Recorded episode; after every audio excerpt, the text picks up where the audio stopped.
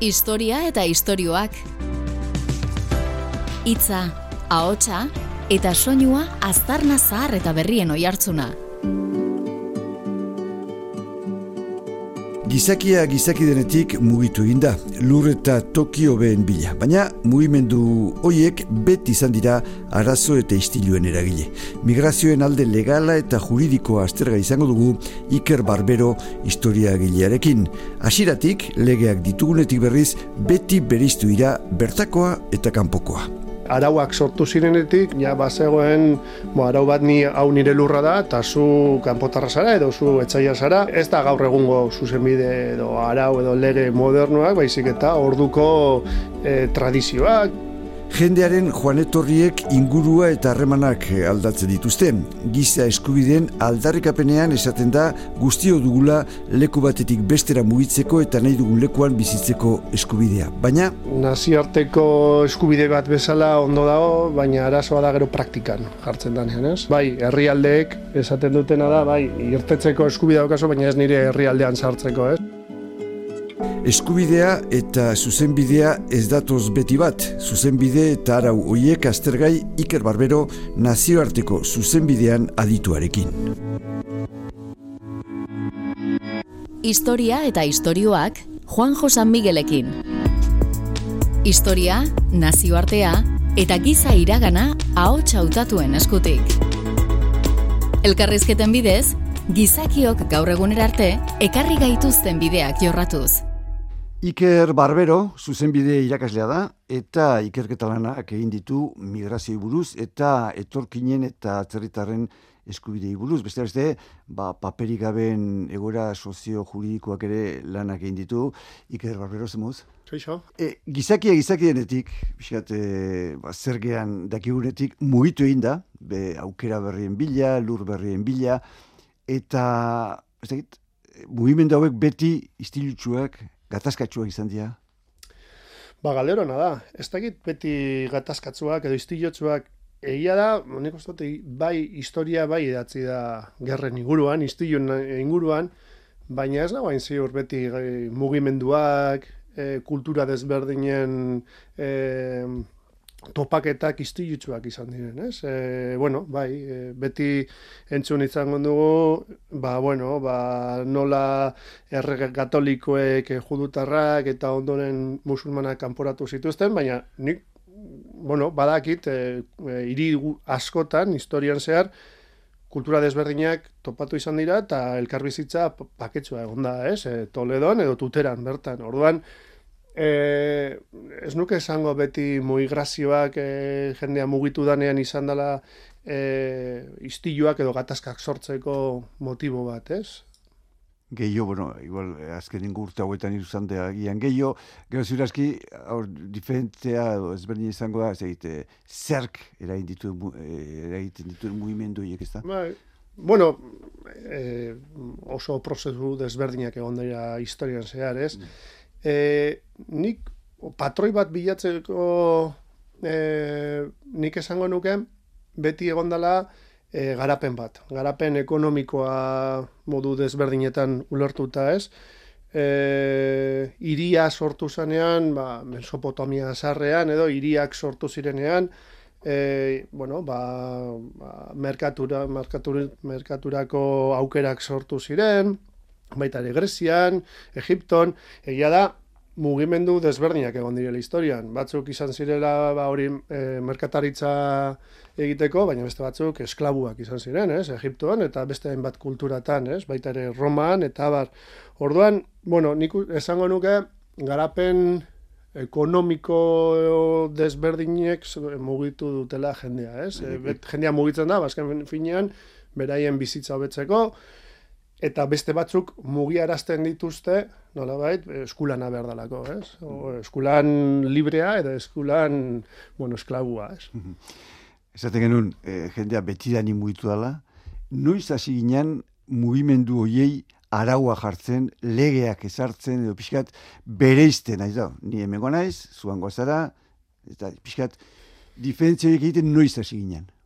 Bueno, alde batetik daukagu migrazioi buruzko zuzenbide modernoa, ez? baina nik esango nuke zuzenbidea sortu zenetik, eta zuzenbidea e, arauak sortu zirenetik, nolabait, e, da, orduan ere, ja, bazegoen, bo, arau bat ni hau nire lurra da, eta zu kanpotarra zara, edo zu etxaia zara, e, ez da gaur egungo zuzenbide edo arau edo lege modernoak, baizik eta orduko e, tradizioak edo arauak, e, noiztik, bueno, gure, gure zuzenbide ikuspegitik, erromatarren zuzenbide ikuspegitik, ja, edo Grezian ere, ba, zeuden aulako kategoria juridikoak, ez, existitzen ziren Grezia sarrean, ba, metekoak, ez, eta behartuta zeuden, e, gizartean lan batzuk egiteko, eta, bueno, beraien tokia zeukaten gizartean. Erromatarren garaian ere bai, ba, esklabuak existitzen ziren, zerbitzairiak, barbaroak, eta barbaroak ez e, etxai bezala, ez, edo inbasore bezala, e, onartuta zegoen barbaro figura kategoria bat, e, bueno, sistema horretan ere parte esala, ez? E, beti, ulorte behar dugu, Inglaterran e, lanean egon nintzenean, hango unibertsiade baten, han e, proiektu zuzendaria zan e, engin izin, eta arek zeukan liburu bat, e, iritartasunari buruz, eta e, bueno, gaur egun ulertzen dugu zer da iritartasuna, ez? Baina noiztik existitzen da iritartasuna eta beretzako iritartasuna orduan ja existitzen zen, existitzen zen iritarra, izan daitekela Erromako e, patrizioa edo Greziako iritarra, ez? E, kibitas horre, e, o, polis horretan, e, eta ja bazegoen beste beste aldean norbait, ez? Izan daitekela e, etzaia, edo izan daitekela beste pertsona bat e, nolabait norberan e, identitatea e, indartzeko, ez? Asirati behiz ditu gu eta besteak. Hori da, bai, nik esango nuke e, aspaldiko kontu bada, ez? Ez da gauza berri bat. E, bai, existitzen zen e, iritarra eta existitzen zen iritarra esana, baina ez da beti e, e, etxai bat izan, e, izan daiteke pertsona bat e, ba, esklabu bezala lan egiten zuena, edo izan daiteke, e, bueno, ba, kanportar bat harreman bat daukadala berarekin. Eta ez dugula ahaztu behar, e, erromatarren garaian, momentu baten, imperioa, e, e, bueno, nolabait indartzeko, barbaro horiek ere e, lortu zutela Erromako hiritartasuna, ez? Kalakara den e, e, konstituzioarekin eta abar, nolabait, ba, esatea bezala gaur egun, ba, e, de repente, ba, hemen atzerritar diren guztiei e, hiritartasuna e, errekonozitzea bezala, ez? Ba, nolabait, e, Europar batasuneko imperioa e, haunditzeko. Mm. Esan duzulen eta normalan ala izaten da, e, migrazioak eta jende mugimendua ekonomiari, garapenari lotuta izaten da. Eta, bueno, agian horretxek, ere sortzen ditu istiluak, ez da, agian sortzen ditu bate, bakoitzak bere leku hartu behar hortan, ez da egit. Nik esango nukean, irakurketa da, istiluak sortzen dira, e, dagoen lan apurrengatik, e, sektore batzuk, e, prekarizatu batzuk, ba, nolabait, e, bueno, ba, kompetizioa sortzen dane, danean, ez, haien artean, ez, e, ari naiz pentsatzen, ba, e, gaur egun hemengo e, klase basuenak eta datozen etorkinak, ez, edo hemengo, eta esaten dudanean hemengo, ari naiz esaten, ba, lehen zeudenak, ez, hemengoa zein dan ere, hori esatea zaila da, ez, e, baina, bueno, azkerian da, klase desberdinen e, arteko gatazkak, nik esango nuke, eta jakina, beti dago goian baten bat, horretaz, e, bueno, ba, etekina ateratzen duena. Hor, kontatzen da, e, ekonomiari lotuta eta askotan, Irlandan, e, meretzigarren mendearen erdialdean, da, mm, gozan, mm, krisi, mm. patata, krisi, fabantorita, e, milak eta milak izan zian, estatu eta joan zienak, ez da? Eta kontatzen da, nik da, negia, lau egun leheno iritsitakoak portura jaten ziela, beste izatea, eh, ja hemen ez da hori, kurik, eh? hemen pixkate, bai, bai. sensazio hori, eta gaur egun hori eh, askotan ikusten da, ez da, eh, ez dala bakarrik bertakoak edo kanpotarra, mm, baizik, eta mm, lehen bai. iritsitakoak, Bai, bai, hori beti gertatu izan da, hemen, ba, e, bueno, ba, azkenengo berrogei urtetan egon diren e, migrazioak ere, ba, bueno, horiek nolabait e, komentatzen dute, zenbat jende datorren, ez? E, azkenengo amar urte, hogei urtetan konturatu gabe danok izan garela inoiz migratzaileak eta bueno, ba, beti datorrena berria da eta berria berri hori datorrena nolabait da ba, bueno, ba, lanak entzera datorrena edo agian bueno, ba, dagoen lan gutxi hori kentzera edo mhm. eta baita ere segurtasunarekin lotzen da, ez? beti kultura berri bat beti mehatxupean jartzen da, ez? E, kultura hori zer da, zertara dator, gure kultura nola kentzera. Hori zer nizun, e, claro, datorrenaren azal kolorea, hizkuntza, erlijioa, jatorria, horre garrantzia handia du. Mm. Denek, denekiko ez du jarrera berdin hartzen. Mm. Azkenean da, e, ezaguarri batzuk bilatzea desberdintzeko, ez? E, izan daiteke azal kolorea, izan daiteke, zuk esan duzu bezala, erligioa. E, azkenean da, nolabait e, elementu bat bilatzea, beste hori e, desberdintzeko, ez? E, eta jakina, lehen esan dudan bezala, e, dan desberdin horiek danak ez dira hain desberdinak, ez? Beti bilatzen da bat e, gertuagokoa, naiz eta kanpotarra izan, ba, bueno, erligioa e, mantentzen du odo e, e, berdina da eta aldiz badago beste bat e, oso religio hurbilekoa bueno historian zehar erlijio erabilida erabilida hizkuntza motibo desberdinak erabili dira nolabait botere sistema bat eraikitzeko, ez? E, arrasakeriaren inguruaren e, eraikitzeko, ez? Historia eta istorioak aintzinakoak gogoratu eta gaurkotuz. Oantxe bertan, Ukrainian gertatzen ari dela, dela, dela eta, baitzu, ze, ze, asarre gonda, mm, mm. Afrikan esate bateako, eta ez da, Afrikan bai. esate dut izue, gu ez gaitu zu horrela tratatzen, ez da, gu diferentea geha, beltzagoa gehalako, oie berriz zuek bezalakoa dira, eta olakoak ere gertatzen dira, ez? Bueno, bai, e, egun hauetan ikusten ari gara, nola e, Europar batasunetik, egun batetik bestera, los egoen direktiba bat, zuzentarau bat, e, 2000 batekoa, e, egun batetik bestera e, martxan jarri da, makinaria jarri da martxan, eta eta Ukrainetik iesi irten behar izan duen jendea di harrera egiteko oso modu e, aproposa izan da, ez? Da, aurrela izan beharko luke, ez? E, Hori da.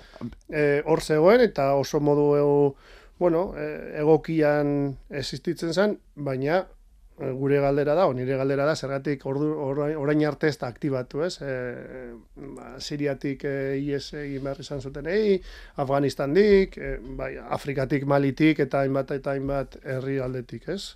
Agian horregatik, ez da, guretzat ere, badalako, e, garrantzitsua, edo betzat, eragina badulako gugan, etxura, Hmm. Edo nundi zen, edo ez da, eta esplikatu aurre, aurre iritzi hendik badaukagu, ez da, aurre iritzi hori prestatzen dut. Ez bai, a ber, ulergarria da, hain gertu izan da, bueno, inbazioa, ba, ulergarria da, bildur hori eta elkartasun hori piztea, hmm, ez? Mm -hmm.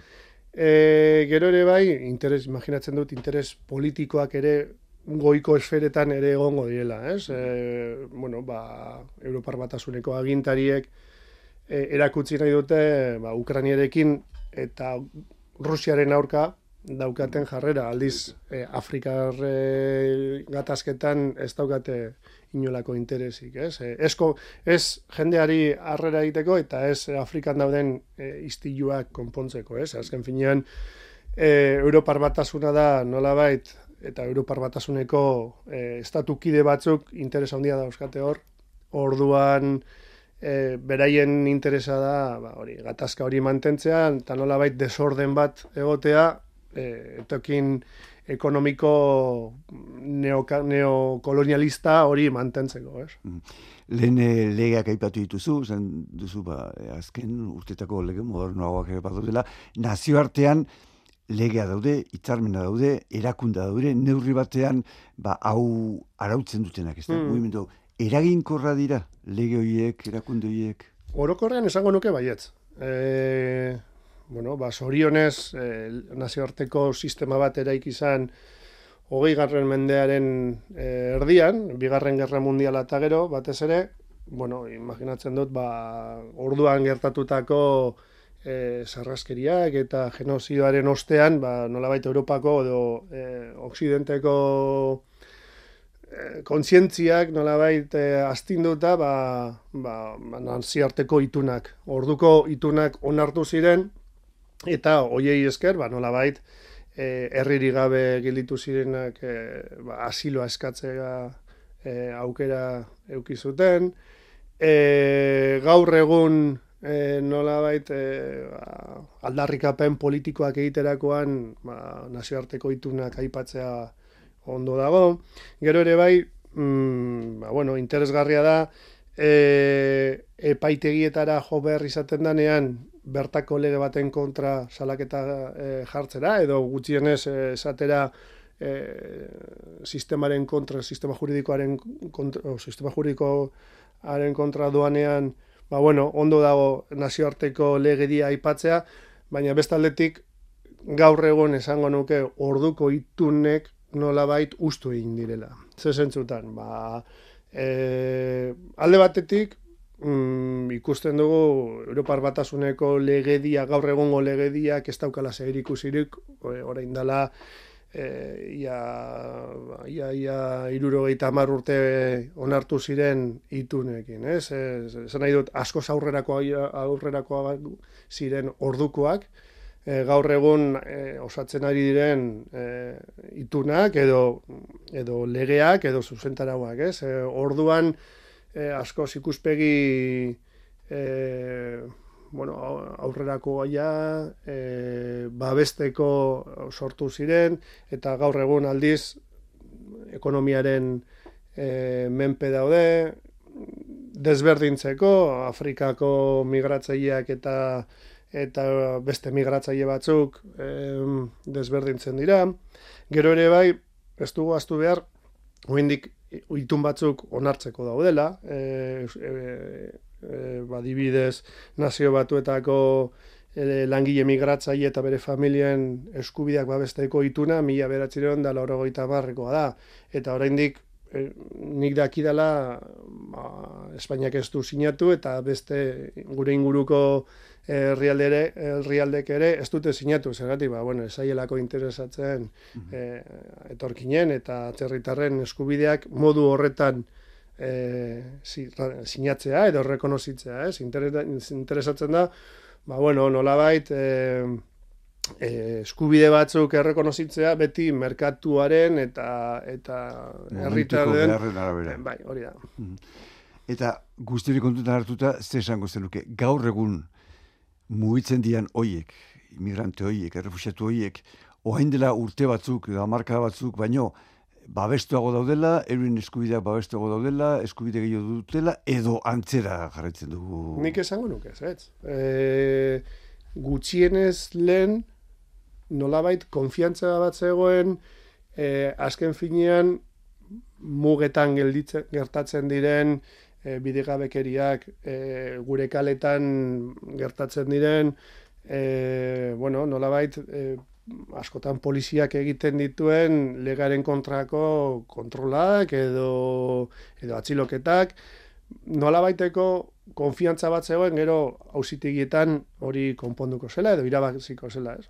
Eta ikusten dugu, ba, gaur egun, e, adibez, e, Europako giza eskubietako hausitegien azkenengo sententzia 2008 batekoa, e, Melian gertatutako mm kanporak eta ilegal baten kontra, ba, nola ausutegi honek e, babesa guztiz babestu du Espainiako polizioa, ez? Hori legala dela esanez, eta, bueno, argumento guztiz e, ulertezin, ulertezin batekin, ez? Esanez, pertsona horrek ba, asilo eskatzeko arresi bat e, saltatu behar izan duena, e, ez daukala eskubiderik e, e, bueno, baimeni gabe muga hori pasatu duelako, ez? E, azken finean, pertsona horrek e, nolabait eskubide guztiak kendu zaizkio, e, pertsona horrei, e, ba, bueno, e, muga administratibo bat, administratibo bat e, pasatzeagatik, ez? E, justo kontrakoa izan beharko zuenean, ez? E, asilo eskatzaile bat bezala, babestu inbarko lezitzaion, ez? Batzera egin du urdun aldertatik. Bai, bai, bueno, ez dakit, momentuz, orain da, hori da azkenengo e, epairik importantenetako bat, orduan ikusi barko du urrengo aldaketa urrengo epaia, epai batekin aldeketa dagoen ala ez baina momentuz nire, nire ikuspegitik nahiko eskorrak izateko eh, argudioak dauzko. Historia eta istorioak.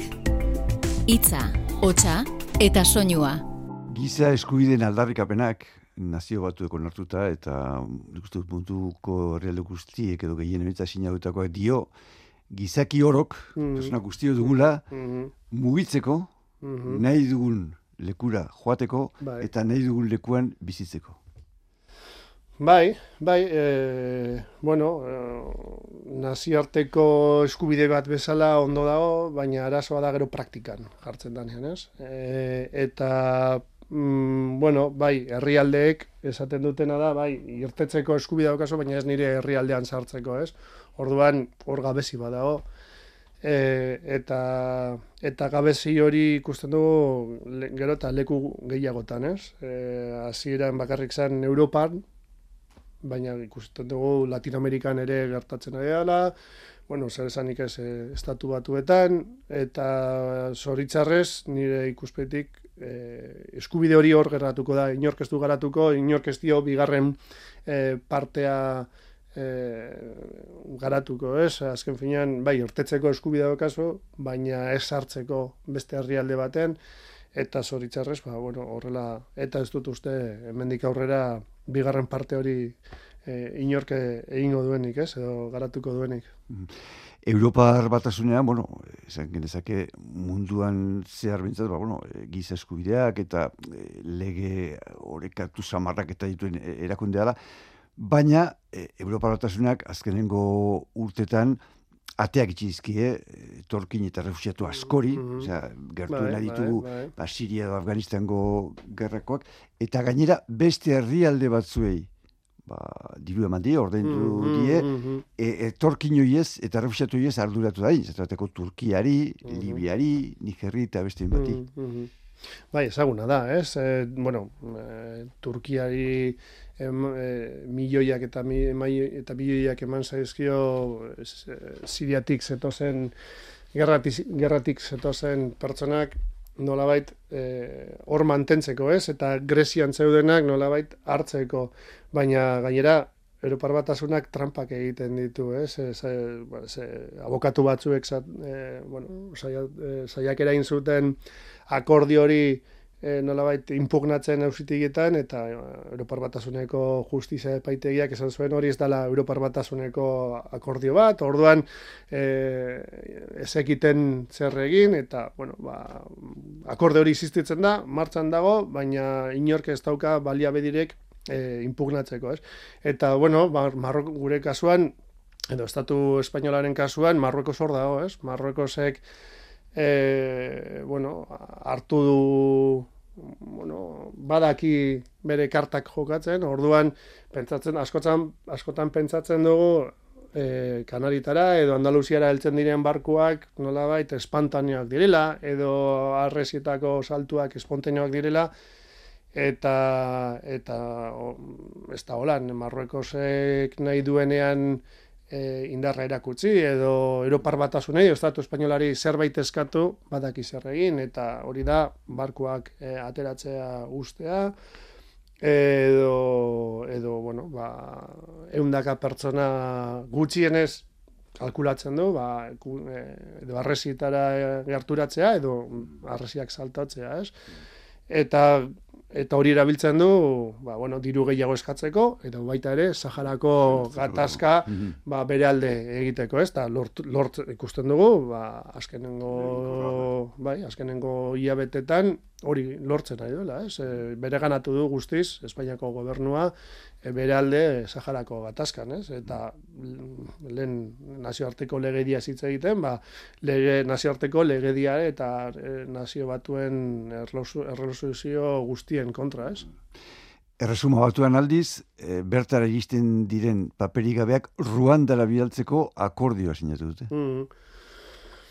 Bueno, eh, azkenengo urtetan Erresuma batuaren papela edo jarrera guztiz eh, guztiz eh, atzerakoia izan da, ba, bueno, eh, ba, egon diren gobernuek nahi zutelako erakutsi ba, ba, ba esku gogor bat etorkinen kontra, ez? E, Brexita gauzatzeko aitzaki batzan, e, o, ba, ba, estatu ba, e, erresuma batuak beti nahi izan du bere mugak e, kontrolatzea, horregatik Europar batasun marroan zegoenean e, esan sartzen e, Schengen esparruan, e, mugimendu askeko eremuan, e, eta orain Europar Batasunetik kanpo dagoenean ez dago hain behartuta Europar Batasunen barruan zeuden ba, sistema errespetatzera eta orain ba, bueno, nahi duena egiten du eta ba, bueno, bai, e, logikoa, logikoa da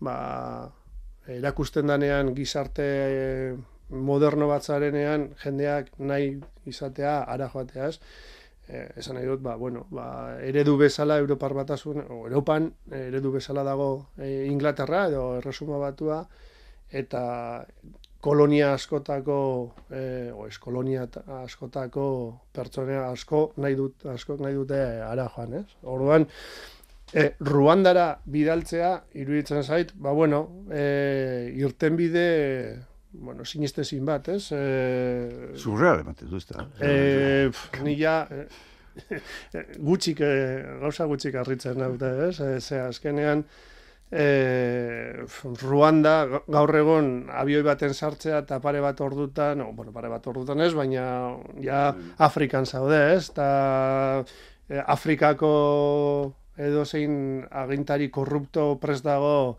nolabait jendea onartzeko, ba, bueno, Gaddafik hori egiten zuen e, bere kanpamendu ilegaletan, gaur egun ez dakit ze, e, ze gobernu arrarok egiten du baita ere Libian, eta, bueno, barruan da, barruan da izan da kliente bat e, aurkeztu dena, ez? Askoz, beldurtu eta nago eh, Danimarkak onartzen duenean bai, bai, eta hori Danimarka Europar batasun barruan hmm. eh, kokatzen danean, ez? Eh, bai. Bueno, eta, bueno, espero dugu eh, Europar batasun barruan dauden legeak, eta, bueno, legeak, edo arauak, eh, bueno, nola bait mugatuko dutela mm esperientzia hori, eh? Denala, eh, gai honetan demagogia egitea arrezta da, ezta? eta, bueno, paperak ere denon hartzu, baina Europar batasunak ireki ditzake mugak erabat, eta esan, bueno, nahi duena etorri da dila. Ta, hori indaiteke? E... Nik esetz esango nuke zergatik. Ba, arazo askoz e, globalagoa da eta eta handiagoa da. E, alde batetik dago sistema ekonomiko bat montauta, gero dago gizarte zerbitzu sistema bat e, mugatua, baina horrek ez du esan nahi e, nolabait e, olako e, gatazka handi bat dagoenean, zeratik ez, Europak demostratutu e, jende asko onartzeko gai dela. Horrek ez du esan nahi e, ba, mugak irikitzeak suposatuko lukela jende asko mugituko litzatekela e, beti gora edo ekialdetik e, mende baldera mm, jendeak nahi du bere e, sorterrian bizi orduan aukera bada ba bueno nolabait temporadak pasatzea e, lanean eta gero bueltatzea etxera E, ba, beti egin izan den bezala, ez? E, hemen Euskal Herrian ezagutu du jendea e, ba, Pirineotan e, alde batetik bestera mugitzen zena temporadak eta gero etxera bueltatzen zen, edo hartzainak Ameriketara joaten zirela eta gero bueltatzen ziren, eta Marroko zen hori gertatu izan da urte pilotan, ba, jendeak nola bait, e, temporadak edo ba, bai e, e, nekazaritzan, lan egitera eta gero bueltatzen zirenak. Hor, bukatzen egia, baina e, aditu guzti izatu dute, Europar batasunak, bor, zartzen ari den gizarte bada, derrigorrez etorkinak e, behar ditugu, honek e, iraundezan, nola egin daiteke hori? Nik, e, ez dakit, e, argumentori apur bat, e, e, arriskutsua iruditzen zait, zergatik, ba, batzutan, e, badibi, eskresi garaietan, e, behar zirenak e, etorri zirenean, orain behar ez ditugunean zer egiten da, ez? Eta ematen du, e, ba, bueno, kanporatzeko e, ahalmena dagoela, ez? Orduan, bai, hori e, demografo batek esango luke, ez? Ba, gizartea sartzen nahi da, gainera, e, bueno, mm, e, zarkitzen ari dan gizarte hori zaintzeko jendea behar da, gainera e, e, jaiotze eta ari da, bai, hori e, uka ezina da, ez? Baina nik ez nuke, esan, nik ez nuke lotuko e, egoera hori, eta e, hemen dauden atzerritarren e, eskubidekin, ez? E, zematen du, e, beharrez direnean, e, beraien eskubideak murrizteko ahalmena dagoela edo kanporatzeko eh? ahalmena hori krisi garaian azkenengo krisian gertatu zen ez e, nolabait lehenengo hartu zen lehenengo neurria zen ba bueno e, sobran dagoen jende hori eta ez da gitzegatik hoiek zeuden sobran eta ez beste batzuk baina bai jende hori sobran dagoen jende hori ba nolabait beraien herrialdera bueltatzeko e, politikak martxan jarri eta azkenean ez da nola baina e, es, muturreko eskuinak aprobetsatzen du ba, bueno, hori bere diskursoa egiteko eta esateko ba, sobran daude edo bakarrik etor daitezke horrelako lan prekarioetan e, lan egitera orduan, bueno, bai e, arazo bat dagoela gure gizartean argi eta garbi, baina nik ez nuke lotuko e, migratzaileen e, nolabait e, etorrerarekin, ez? Beharko, nukena da, etorkinak bertako bihurtu ez da. Bai, eh, eskubideak errekonozitu, ez? Eh, bai, bai. Hemengo dira. Bai, bai. Ez etorkina behar ditugu, eh, behar ditugu personak. Bai, bai, bai. Hemen gatu zen. Bai, pertsonak diren neurrian eskubideak dituzte, eta ez lotu beraien nazioarteko itunek errekonozitzen dizkien eskubideak, eh, ez lotu erligio batera, edo ez, lo, ez lotu eh, identitate batekin, ez? Pertsonak diren einean eskubideak dituzte, eta hori nahikoa izan beharko luga. Ba, Iker Barrero, mila mila esker, zure azalpena gatik eta urrengo arte. Bueno, eskerrik asko, urrengo arte. Historia eta istorioak Juan Josan Miguelekin. Historia, nazioartea eta giza iragana ahots hautatuen eskutik. Elkarrizketen bidez, gizakiok gaur egunera arte ekarri gaituzten bideak jorratzen.